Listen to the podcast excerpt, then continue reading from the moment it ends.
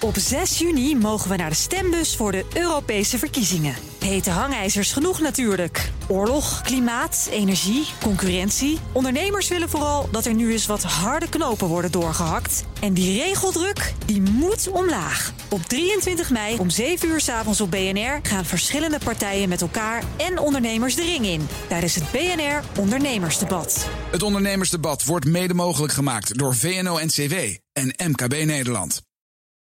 Tech Update. Jo van Buurik, goedemorgen. Bas van Werven en Ivan Verrips. Twitter zoekt zo wanhopig naar nieuwe inkomstenbronnen dat het toch maar weer politieke advertenties wil gaan tonen. Ja, maar wel om het publieke gesprek rond belangrijke Oh. onderwerpen te faciliteren. Er zit een gedachte bij. Nou, dit klinkt wel als iets wat Elon Musk daadwerkelijk zelf bedacht heeft. Eh, zowel de beweging als de verklaring net. Eh, maar dat heeft eh, Twitter dus net bekendgemaakt op het account Twitter Safety. Zeggen dat ze daarmee ook het advertentiebeleid van veel tv- en andere media-uitingen in de VS volgen. Wat dit precies in de praktijk gaat betekenen, Bas, is nog niet helemaal duidelijk. Maar het überhaupt van politieke advertenties behoorde eigenlijk net drie jaar tot de verleden tijd bij Twitter. Dat werd toen nog door oprichter en toenmalig CEO Jack Dorsey bepaald. En dat was tot grote tegenstelling van Facebook, want die deden dat nog Wel, wel. ja. En dat weten we, want eh, daarmee haalde Dorsey ook de woede op de hals van toenmalig en niet herkozen president Trump. Die vond dat hij moest kunnen adverteren op Twitter en ook daarop roepen. Nou goed, dat is een ander verhaal. Momenteel kan het trouwens wel geadverteerd worden door allerlei instanties als het gaat om economische, milieu- of maatschappelijke onderwerpen. Eh, maar daar gelden wel bepaalde beperkingen voor en ook die gaan versoepeld worden. Nou, daarbij zegt Twitter natuurlijk van nou, we zullen alles eh, zorgvuldig bekijken in het belang van onze Tuurlijk. gebruikers. Er moet de discussie alleen maar aan. Het vrije woord en dat soort dingen. Maar Mhm. goed, ik, heb, ik hou toch mijn hart vast, Bas. En het is toch wel triest, want het is ook niet alsof die politieke advertenties nou echt een kip met gouden eieren zijn. Want in 2018 leverde dit volgens de Wall Street Journal Twitter 3 miljoen dollar op. Dat is een schijntje. Dat is inderdaad niet. Dat Daar voordat het de niet meer mocht. niet mee te 3 draaien houden. miljoen, nee. Ja, nee, nee. maar goed, dat, Jammer. dat is het, eh, het verder verstoren, ik bedoel faciliteren van het publieke gesprek, is dat natuurlijk helemaal waard. En dan, Microsoft zou de strijd aan willen gaan met Google's zoekmachine door middel van AI. Hoe Ja. denken ze dat te doen? Dit is een interessante gedachte, omdat hij de afgelopen weken vaker benoemd wordt. En dat gaat natuurlijk om die geavanceerde chatbot, ChatGPT, waar Iwan ook zo'n fan van is. Die zo goed is dat hij volgens sommige kenners beter kan werken dan de zoekmachine van Google. Ik wil daar gelijk bij zeggen dat ik daar nog mijn twijfels bij heb. Ook omdat ja, Google indexeert alles wat op het internet staat. En een chatbot is getraind met eh, eh, input. En dat, dat is nog niet helemaal te vergelijken. Maar nu is een boeiend verhaal van verschillende Amerikaanse media, waaronder de Information. Eh, en die publicatie heeft twee anonieme bronnen gesproken. Even goed om te weten: Microsoft heeft in 2019 1 miljard dollar geïnvesteerd in de maken van ChatGPT, OpenAI. En Microsoft heeft Bing, de zoekmachine die veel minder gebruikt wordt Ja, dan? Google's Search. Als je Bing invoert bij Bing, dan krijg je geen resultaat. Zo goed is Bing. Nee, dan krijg je dat konijn, die kinderserie van de BBC.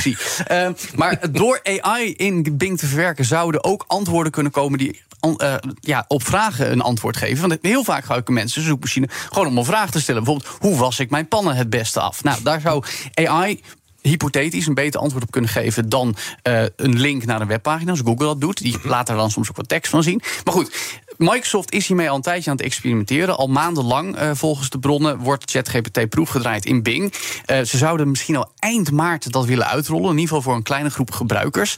Het hangt een beetje vanaf hoe accuraat het nou echt werkt. En dat moeten we nog even afwachten. Eh, feit is overigens wel dat Google hier ook echt wel van op de hoogte is. Die hebben ook zelf veel in AI geïnvesteerd. Hebben onder meer Lambda, Language Model for Dialogue Applications. Eigenlijk een tegenhanger, maar die nog Van niet zo ChatGPT, ja. ja, maar die nog niet zo in de publieke bekendheid is. En volgens de New York Times zijn ze zich daar heel erg bewust van bij Google. Want search is nog altijd hun belangrijkste product. En als daar aan gezeten wordt, dan maak je ze boos. En dan gaan we even naar het apengatje van Joe van Buurik, genaamd Activision Blizzard. Want er is nog wat nieuws over Microsoft. Sorry, wat zei je net? Het apengatje van Joe van Buurik. Laten we het maar gewoon hebben over de giga-overname, Bas. Ja, gisteren was de eerste zitting in die rechtszaak... Hè, rond die veelbesproken giga-overname van Activision Blizzard. Ja, eh, een pre-trial om eigenlijk door te nemen waar we staan en wat er gaat gebeuren. Om te zien of de Amerikaanse marktwaakhond FTC die aankoop van bijna 70 miljard wel of niet kan tegenhouden. Interessant daaruit wat gebleken is dat er nog geen wezenlijke onderhandelingen worden gevoerd gevoerd tussen Microsoft en de Amerikaanse overheid. om tot een soort oplossing te komen zonder rechtsgang. Dat zei de advocaat van de FTC in die pre-trial.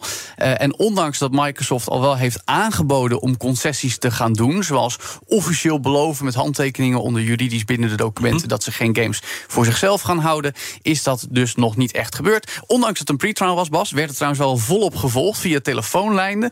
Niet alleen betrokken partijen, maar ook geïnteresseerden konden inbellen. En het was zo druk dat de boel vertraagd werd omdat er te weinig telefoonlijnen beschikbaar waren.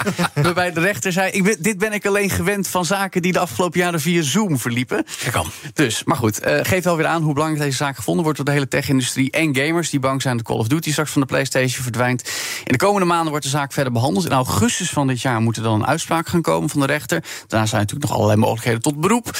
En in maart gaat eerst Europa hier nog iets van vinden. Oké, kan. Dank, Joe van Buurik. De BNR Tech Update wordt mede mogelijk gemaakt door Lenklen. Lenklen. Betrokken expertise, gedreven resultaat. Op 6 juni mogen we naar de stembus voor de Europese verkiezingen. Hete hangijzers genoeg natuurlijk. Oorlog, klimaat, energie, concurrentie. Ondernemers willen vooral dat er nu eens wat harde knopen worden doorgehakt. En die regeldruk, die moet omlaag. Op 23 mei om 7 uur s avonds op BNR gaan verschillende partijen met elkaar en ondernemers de ring in. Tijdens het BNR Ondernemersdebat. Het Ondernemersdebat wordt mede mogelijk gemaakt door VNO-NCW en MKB Nederland.